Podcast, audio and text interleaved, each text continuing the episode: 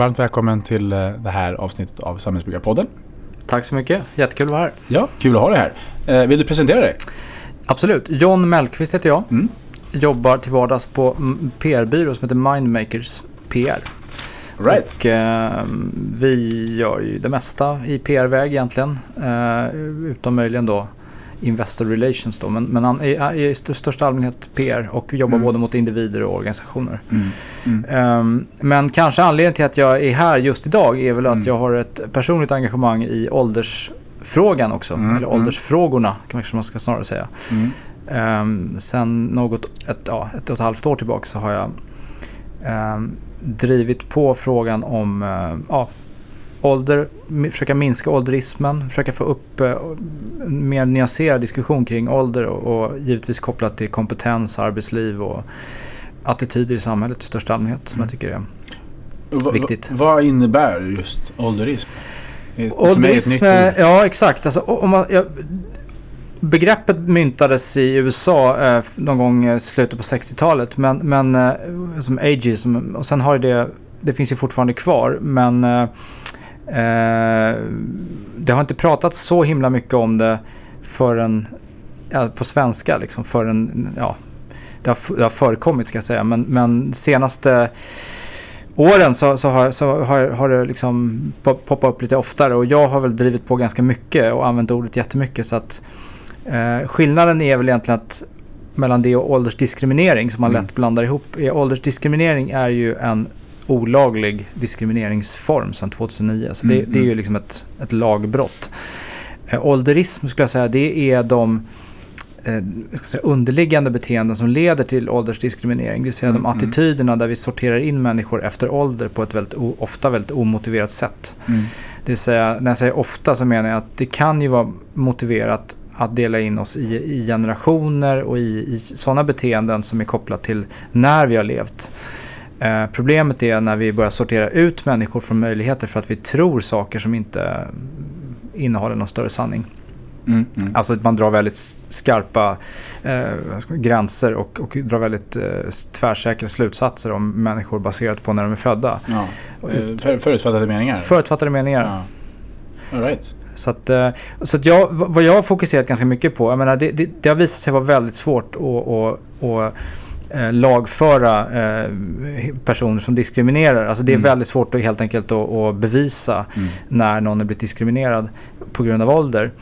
Men däremot så, så, så det, jag tror att det är ett tiotal fall någonstans eh, sen, sen lagen infördes. Så det är väldigt, väldigt sällsynt. Däremot så vet vi ju alla att, att ål- åldersdiskriminering och, och förekommer ju i, i det dolda Mm, hela mm. tiden. Mm.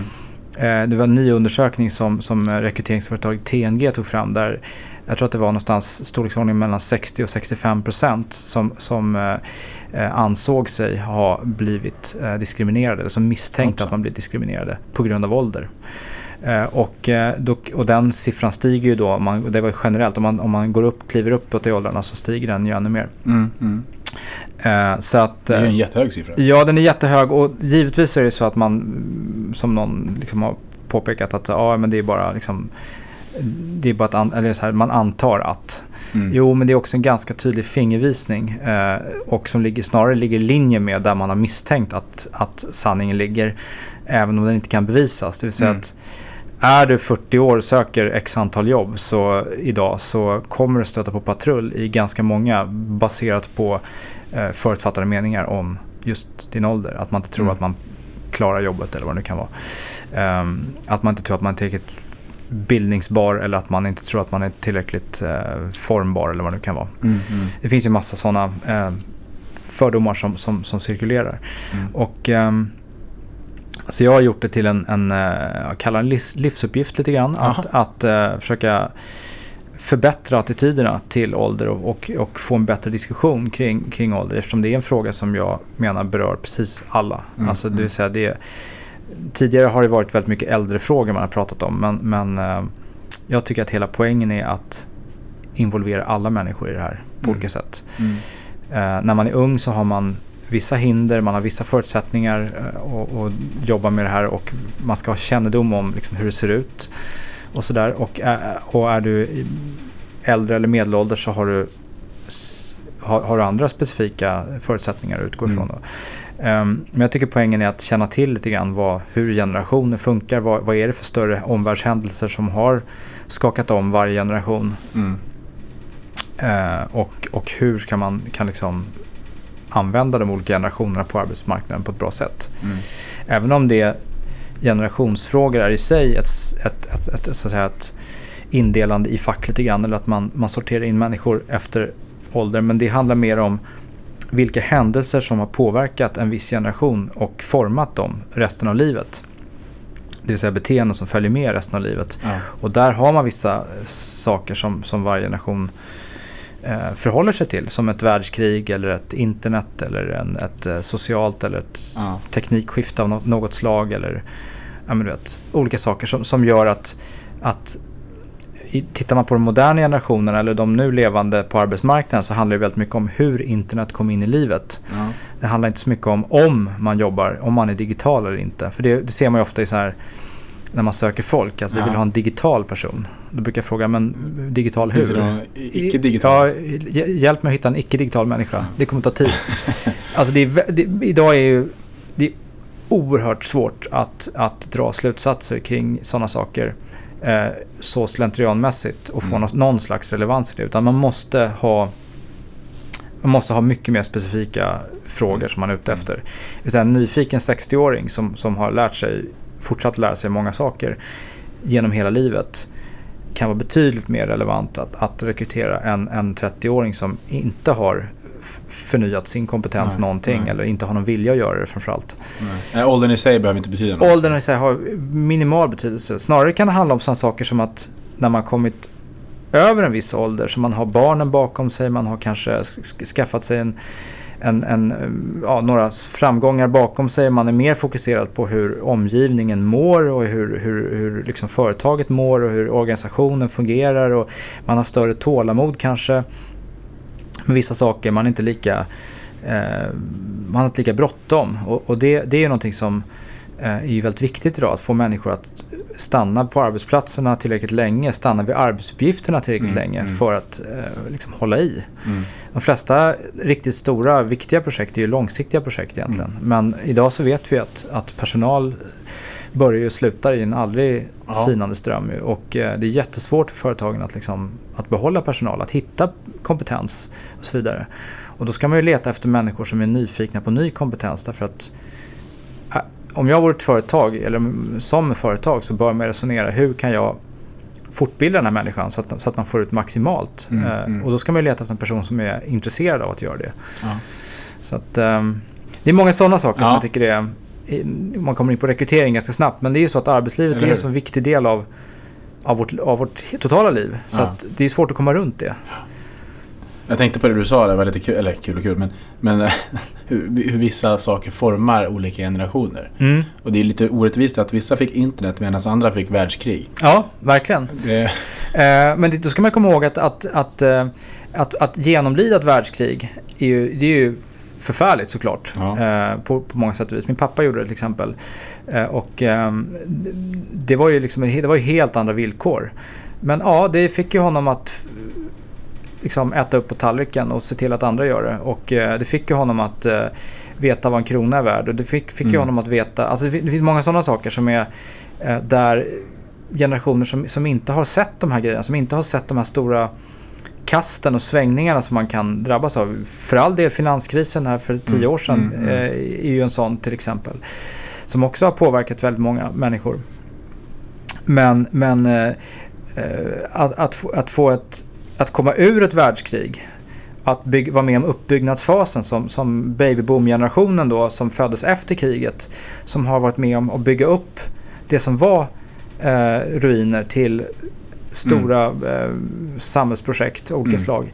De har ju fått, också fått med sig en väldigt stor både kämparanda och, och, och optimism att, att saker och ting, alltså tro på sig själv och tro på, på vad man kan, kan åstadkomma. mm. Eh, och det ser vi fortfarande, det finns ju kvar hos den generationen, för det är samma generation som nu ska gå i pension men inte vill. Eller hur? Ja, just det. Eh, och eh, de, de, de, de, kom, de, de, de var ju i 20-årsåldern någonstans när, när de här stora vad ska man säga, eh, sociala revolutionerna som, som, kom ju, som hade att göra med till exempel ja, som vänstervågen på eh, slutet på 60-talet. Ja. Och det här med almstrider och kärnkraftsmotstånd och eh, alla sådana saker. Vietnam och, och det, här. Det, det var ju viktigt för den generationen. De, det var deras och ungdoms, mycket musik och Mm. droger och sådana saker. Eh, var ju också saker som präglade den generationen. Men det var också en generation som växte upp med där det byggdes upp enorma förmögenheter. Och det var första riktiga kapitalistgenerationen. Det vill säga spänningarna mellan vänster och höger och så vidare formades ju väldigt mycket och, och, hårdnade väldigt mycket under den tiden.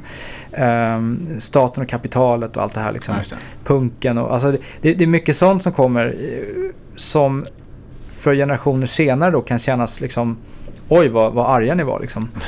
för att man kommer, man kommer då, när deras barn föds, kommer liksom till världen med en he- helt annan typ av Mm, mm, oförstörd optimism då liksom att ehm, så att det, det, det, är många sådana saker. Det är ofta pendelrörelser också från det ena till det andra. Ja. Men jag tänker nu på, på nu, vi kom snabbt in på, på din livsuppgift. Du märks att du är väldigt engagerad i den här Ja, frågan. det finns mycket att prata om. Det finns mycket att prata om där och det är jättespännande. Jag är bara lite nyfiken på här, för du, du nämnde att du, du jobbar ju liksom med, med, med bolaget här då, men, Mm. men att ålderismen, eller den frågan, är inte direkt kopplad till, till firman. Förstod jag det rätt då? Ja, det kan man säga. Alltså jag, jag är ju... ehm, ehm, man kan säga så här att kopplingen är ju att vi hjälper ju våra kunder att driva samhällsfrågor på olika sätt. Ja. Därför att det är ju... Om det är någonting som... De, de vanligaste förfrågningarna handlar ju om att kunder kommer till oss och vi vill synas mer i media eller vi vill komma in i Dagens Industri. Ja, det är ett standardprojekt. morgonsoffa eller vad det nu kan vara. Ja, och då brukar jag börja med liksom att ja, men då måste vi titta på vad, vad, vad har ni att komma med? Och då kan det ju vara så att man har kanske ganska traditionella inifrån ut företagsbudskap som man vill nå ut med. Mm. Eh, och sanningen är den att, att det är ett mycket svårare projekt att, att ska du ta dig ut med bara den, ett egenintresse som ett företag liksom, eh, och försöka nå ut med den frågan eller den, den, den, eh, kommunikationen på något sätt så är det ett, ett, ett jättesvårt projekt. Medan om du däremot kan skapa någonting som har nytta för fler, som, Mm. som är ett, ett, ett uppbyggnads samhällsbyggeprojekt på något sätt. Där du kan få mer människor att skapa någon form av movement eller eh, intresse som är bredare än dig själv och större än ditt företag och större än din indiv- individuella så att säga, horisont. Då kan du få he- helt andra mediehjul med dig också. Mm. Det vill säga att, så att och, och den här är en, åldersfrågan är ju en sån fråga som jag hade kunnat ge eller coacha någon av mina uppdragsgivare att driva. Mm. Så kan man väl säga. Mm. Eh, Finns, finns, men däremot så är det ju, det är ju ett, det är ett personligt projekt. Så det är ju det är istället för att spela golf eller, så, Ja. eller något liknande Ja. som, som jag gör. Alltså jag, det här är något som jag tycker själv är, är intressant och har, har blivit en del av mitt professionella Mm. Mm. liv Mm. att, att hålla på med. Absolut. Men eh, det är något som jag gör på eget på uppdrag av mig själv. Ja.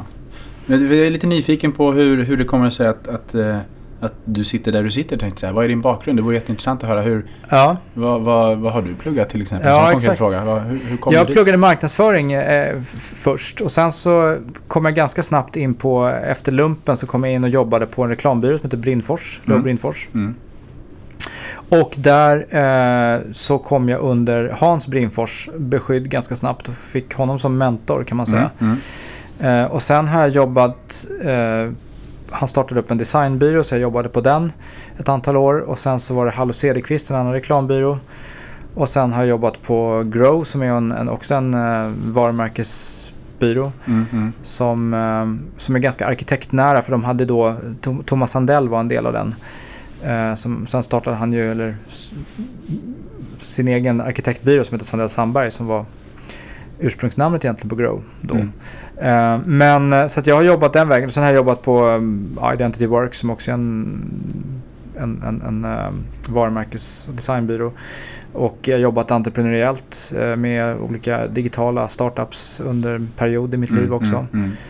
Mm. Ehm, och ehm, har alltid skrivit mycket. Eh, och när man skriver mycket så, så ligger det nära till hands att, att tala också. Man vill ju Mm. prata om det. Så att jag har skrivit för flera tidningar, magasin och ehm, idag så är jag krönikör i, i Perfect Guide i Svenska Dagbladet. Mm. Mm. Eh, där skriver om just ålder. Ehm, och ehm, jag har ja, skrivit på en rad ställen då. Plaza Magazine har skrivit. Eh, det var för ja, 10-15 år sedan så skrev jag rätt mycket för dem. Mm, mm. Och sådär. Så att jag är väl en skrivande person och, och har blivit mer och mer en talande person också. Ja. Eh, så att, ehm, eh, men jag, jag landade i eh, PR-byrån därför att där var ju ett eh, sätt att jag kan jobba med egentligen en syntes av allt jag gjort tidigare. Mm, mm, mm. Och ehm, i och med att jag har ett ganska stort kontaktnät på olika plan då så, där, så, ehm, så har jag liksom eh, en, en bra bas i, i att jobba med PR just. Mm, mm. Eh, Och sen just att man jobbar, jag tycker det är väldigt kul att jobba nära individer, alltså nära människor. Och det tycker jag man gör på ett annat sätt än att jobba med ett, ett, ett, ett, liksom, ett skapat varumärke som är en, ett, ett, företag. Det har sin charm också men, Mm, men eh, mm. jag tycker det är jättekul att jobba med individuell rådgivning. Sådär. Kan du inte berätta lite mer om, om just Mindmakers då? Bolaget? Eh, Mindmakers är en PR-byrå som eh, ingår i en eh, konstellation av eh, fyra stycken kommunikationsföretag. Det Mm. vill säga en eh, eh, eventbyrå som heter eh, Wonderland. Som gör bland annat gör Guldbaggen och de gör eh, alltså mycket stora röda mattan-premiärer och sådana saker. Okej, stora ja. företagsevent. Eh, och sen Social Mind som är en, eh, en social mediebyrå som eh, eh, som gör också väldigt st- stora sociala media ehm, händelser tar de hand om. Som till exempel hela Allsång på Skansen eller Mello till exempel. Och, och Mm. sköter hela deras ja, kanalutbud egentligen under Mm. Vissa perioder. Sen Mm. gör de också alltså, projektbaserade saker kring sociala medier. Och sen är det Berntsson Bylund som egentligen är, är kanske är, moderskeppet egentligen i, Ja. i den konstellationen som är en strategisk reklambyrå.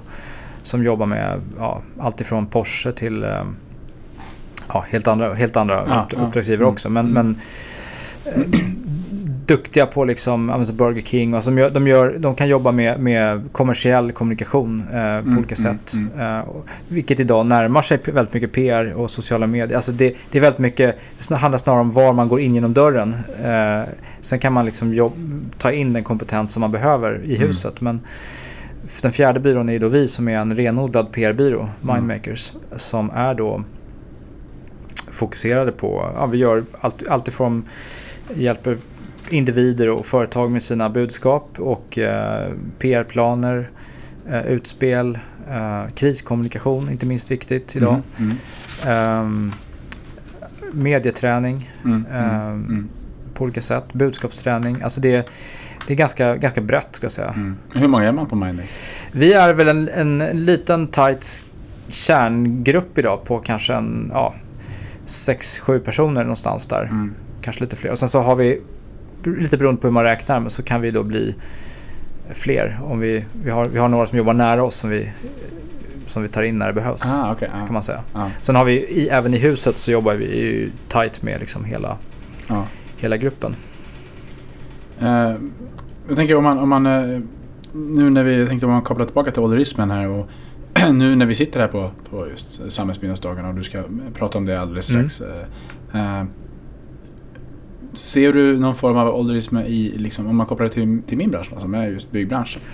Alltså byggbranschen brukar lyftas fram som ett ganska bra exempel. Där har man ju, om man tittar på så här byggprojektledare och sådär, de kan ju de, de, brukar inte, de, de brukar vara attraktiva och ses som attraktiva utifrån sin kompetens långt Mm. upp i åren. Liksom. Jag, jag har ju såklart fått, nu när jag börjat jobba med den här frågan, jag får ju mail och, och meddelanden varje dag från människor som skriver och, och eh, berättar om. Och där är det klart att det här har ju förekommit så, sådana som tycker att byggbranschen kan bli mycket bättre också. Mm, mm. Men annars så brukar jag säga att eh, byggbranschen är ett exempel på branscher som ändå fungerar hyggligt väl. Alltså kommunikationsbranschen är ju värre ska jag säga. Den är ganska... Eh, där är, finns en väldig eh, ungdomsängslighet. Att man Ja. liksom ska...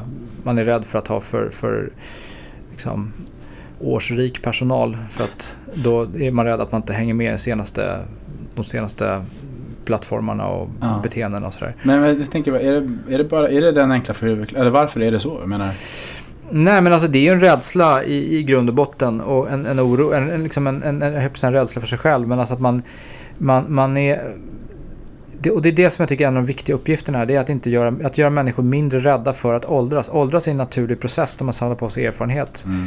Eh, ingenting annat egentligen. Ett krasst mått på tid men egentligen så, så allt för många människor ser det som att det är ett, att det är ett sluttande plan. Liksom. Mm, att, att det är mm. någon slags, att man inte bygger nivåer uppåt utan man ser det mer som en, en trappa neråt eller ett, en, en rutschbana neråt. Liksom. Man har en peak så någonstans Ja, kring och sen bara, och, och det finns ju någon slags föreställning om att det mesta ska, ska göras mellan 25 och 45. Liksom. Har man Mm. inte lyckats med det så har man inte lyckats. Men i själva verket så det är bara att titta på de mest framgångsrika de mest framgångsrika företagen i Silicon Valley så har man räknat ut snittåldern hos grundarna när Mm. företaget startades. Kan du gissa vad den är? Nej jag vågar inte. Men eh, då skulle jag gissa på att det inte ligger i det spannet i alla fall.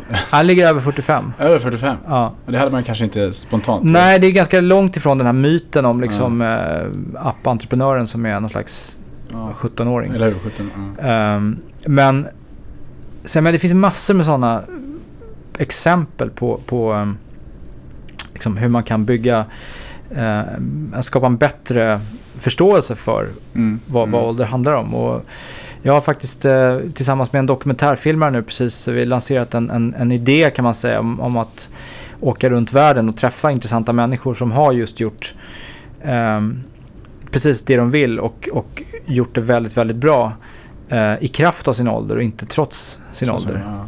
Utan, utan, och som, som, är, som vi är övertygade om kan berätta om det här på ett väldigt eh, både inspirerande och informerande sätt. Mm, mm. Um, jag tror många människor där ute som behöver höra ehm, att de har en, en, en stor potential Mm, mm, och att den mm. växer och inte krymper. Mm. Ehm, det finns alltid någonting annat man kan göra om man hindras från att göra, om man liksom hindras från att göra det ena eller säg att du, du kanske blir, får ont i benet eller du får svårare att göra, då kan du utveckla någonting annat istället. Så att jag menar, det, människans potential är fantastisk på det sättet att man är ju, man är ju liksom, det är som en, ja det är en organism verkligen som, Ja. som där, där man kan då, saker man gör varje dag, precis som ditt poddande som du beskrev där i början, att, Mm. att det du gör varje dag det förändrar dig. Eh, och, väljer och det skapar en riktning.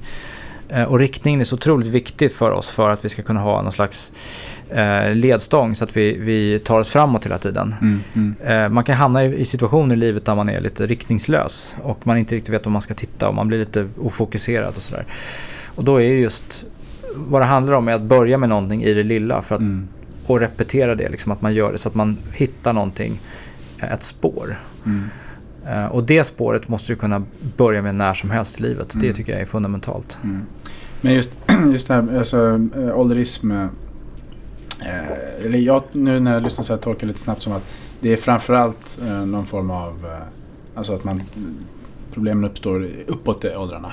Finns det ålderism neråt i Oh åldrarna ja, också? det gör det. Eh, både direkt och indirekt. Alltså du har ju dels det här att, att eh, och det är ju samma sak där. Om du, eftersom, du, eftersom du har en, en, en oro för att bli äldre och en oro för att, för att människor blir för gamla. Då blir de Mm. människorna som är på väg mot den oroskanten. De blir då istället att de är ängsliga och håller i, bords, håller i bordet. Och vill inte flytta på sig. Och då, blir det, då skapar det också beteenden som handlar om att hålla bort yngre. Att, att, att eh, ehm, eh, helt enkelt stänga ute yngre personer då. Eh, och det är ju, så det blir ett kedjebeteende. Och samtidigt så har du ju unga personer som, som faktiskt blir framsläppta, som, som kör på, som, som, eh, som inte tänker på sin ålder kanske. Eh, men som inte heller får det erfarenhetsstöd som de skulle Mm. må bra av. Mm. Vilket gör att du ser ju ohälsotalen som skjuter i höjden nu när man har det här obegränsade arbetet som vi, som vi nu har. Där, där vi, de som växer upp nu med en miljö där det inte finns några naturliga gränser mellan arbete och fritid. Det finns Mm. inga naturliga gränser mellan när man ska sova, äta, jobba. Liksom, utan, utan allting bara flyter ihop. Mm. Eh, och det finns ingen som säger stopp. Ehm, man ser bara kapacitet liksom. Då, utifrån sett då, då, då är det ju klart att, att det skapar jättemycket stress och Absolut. ohälsa på olika sätt. Som man skulle kunna avhjälpa genom att ha en bra ålderstrappa i företaget. Mm. Eh, med olika generationer som kompletterar varandra och, och stärker varandra. Mm. Så det är framförallt genom att få stöd från äldre? Ja, alltså äldre kan ju stöd, stötta med sin livserfarenhet och, och eh, eh, rat, liksom rationella lösningar och eh, se till att man liksom inte, att inte oerfarna människor behöver köra huvudet i väggen i onödan. Mm. Eh, samtidigt som att, för det behövs en lite, ibland en liten boxningsmatch mellan liksom, ny kunskap och gammal och så vidare. Ja. Eh, samtidigt som att äldre människor som är öppna för att lära sig nya saker kan ju få fantastiskt mycket större, eh, vad ska man säga, en mycket längre och bättre utvecklingskurva genom att ha en öppet, öppet förhållande till yngre kompetens. Mm. Eh, och man ser ju det här, den här trenden med, med eh, omvänt mentorskap till exempel som växer mm. i, i, Manhattan. Till exempel. Vad innebär det? Det är att eh, du har, kallas för millennial mentors också. Det, det är ju helt enkelt äldre företagsledare som skaffar sig yngre mentorer. Eh, som eh, helt enkelt stöttar dem på olika sätt med eh, ny kunskap. De berättar inte minst hur, hur personer av deras egen generation tänker. För att de här äldre är ute efter att rekrytera dem såklart, ja. eh, sådana personer. Och då måste de ju veta hur de personerna prioriterar, resonerar och så vidare. Mm, mm. Och det där skiljer sig åt då, mellan generationer. Det kommer fram nu en ny studie också av TNG som, som, som precis nu släppte en rapport där som visar att millennials till exempel EU efterfrågar ju mjuka värden på ett helt annat sätt. Det, är väldigt, det har man ju haft, det har ju kommit fram i flera undersökningar men det här var ju också en väldigt färsk sådan. Det vill säga att, att, att techföretag inte minst, eh, där, där attraheras man av just mjuka, mjuka värden. Det vill säga att värderingar, eh, arbetskultur och sådana saker. Mm. Eh, och, och där det, det, är ju superviktigt att, liksom, att, att uh, fånga upp det där om man ska uh, liksom, attrahera personer ur den generationen. Att man inte bara tänker att det där är någonting som man får ta på fritiden ungefär utan här ska mm. vi jobba. Mm. Uh, eller det är, min, det är mina... Jag menar, när jag jobbar här så är det jag som sätter tonen ungefär. Mm. mm. Men är det de här det jättespännande idé om omvänt mentorskap. Är det ja. någonting som, som du har sett finns i Sverige? Ja, absolut. Fryshuset har en sån här, eh, vet jag, som heter... Eh, nu ska vi se, vad heter den? App... Eh, tappat namnet. Det, det, de har i alla fall en satsning med åtta stycken näringslivspersoner, mm. eh, VDR, som, som då får coaching av åtta stycken streetsmarta ledare som, säger, som, är, som har gått en annan väg. Som inte ja. har gått Handels eller KTH eller något sånt där. Utan som, som har gått helt andra vägar och eh, ändå blivit starka ledare mm. och byggt upp saker eh, på ett annat sätt. Och då, samma idé där, så behöver de här företagsledarna liksom snappa upp det här och kan mm. lära sig mycket av att mm. umgås med de här. Mm. Så det är som ett slags, det är form, liksom ett, ett format. Så det är mm. formaliserade möten och sådär. Mm. Tror du det här är någonting man skulle kunna prova i byggbranschen? Eh, absolut. Det är jag helt övertygad om. Mm. Uh, det funkar egentligen överallt. För, för det handlar ju bara om vad man liksom... Vad det handlar om är att, att, att för båda parter att öppna upp sig för en ny generation och en ny typ av kommunikation. Alltså ny, ett nytt samtal, vilket det blir. Mm. Uh, och det kan ju, det kan ju liksom gå hela vägen. Det kan ju vara väldigt strikt professionellt men det kan också såklart uh, spänna hela vägen till ett nästan till liksom personligt personlig relation som, mm. där man liksom har mer vänskaplig åt det hållet, mm. kontakt. Men vad det handlar om är ju såklart att, att uh, både visa och, och, och uh, skapa ytor för förtroende. Mm. Uh, där man, där man liksom lättare kan, ja, alltså de, är man med om en sån här sak så kommer man ju ha en helt annan bild av ja, nya generationer. Mm. Jag tänkte som att, eh, nu vet jag att du ska tala om eh, inte allt för länge, så jag tänkte som, som lite avrundning här. Mm. Vi har pratat eh, såklart jättemycket om ålder och ålderism här. Men jag tänker så här att om, om du nu med all den kunskapen du har nu och allt sånt skulle kunna få skriva ett brev till dig själv när du var yngre och kanske satt i plugget.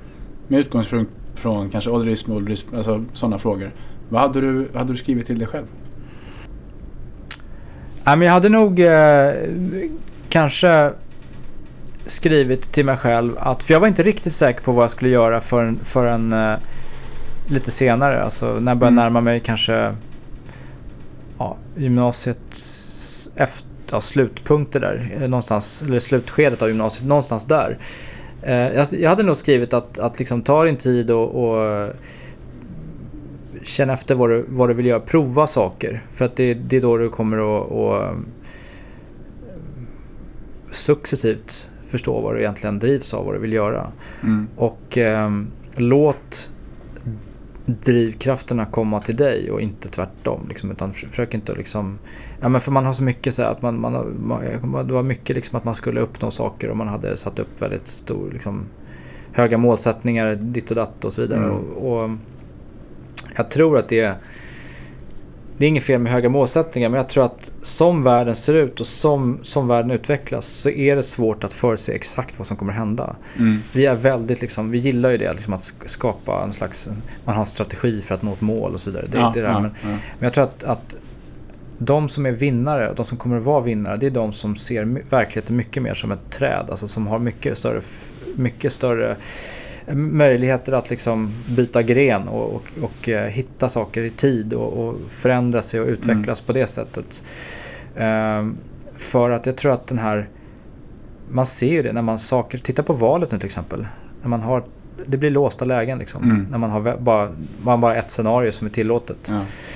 Eh, och jag tror att det, det är så applicerbart på så mycket. Att vi är väldigt fokuserade på att det ska bli på ett visst sätt. Och så blir vi väldigt frustrerade när det inte blir så. Mm. Och jag tror att det är mycket det också som leder till att, att unga människor i, i många fall inte mår så bra. är för att de har väldigt höga både krav på sig själva, krav utifrån. Eh, och sen så eh, är man ganska otillåtande när det gäller liksom att, att byta spår. Mm. Och jag tycker att det är så viktigt det här att för unga människor att förstå att det är helt okej att byta spår sent i livet. Så det är kanske en grej jag skulle ta med också. Mm. Det vill säga att när du, du behöver inte bestämma dig nu vad du ska göra utan, utan gör lagom kloka val. Ta hjälp av andra Ja. eh, och sen kommer du känna när du, om du vill göra någonting annat, det kommer du känna inifrån. Ja. Ehm, låt inte det yttre trycket styra så mycket, allt för mycket för att det, Mm. det skapar bara ehm, press. Mm. Försök hitta drivet istället. Jag tror att det är jättebra. Eh, verkligen att känna efter och, och inte lyssna på vad andra eh, tycker och tänker om eh, vad man bör göra. Utan Nej. snarare känna efter själv vad man verkligen bör göra. Eh, men du, de är jättekloka ord och, och med de orden så vill jag tacka dig så hemskt mycket för att du tog dig tid när du kom hit och, och berättade om, om din, ditt eh, driv och ditt eh, livsprojekt med ålderism. Jag önskar dig all lycka till med att, att knäcka den nöten och också i ditt framförande här nu i eftermiddag. Tusen tack för att du Ja. kom hit, jättekul. Tack!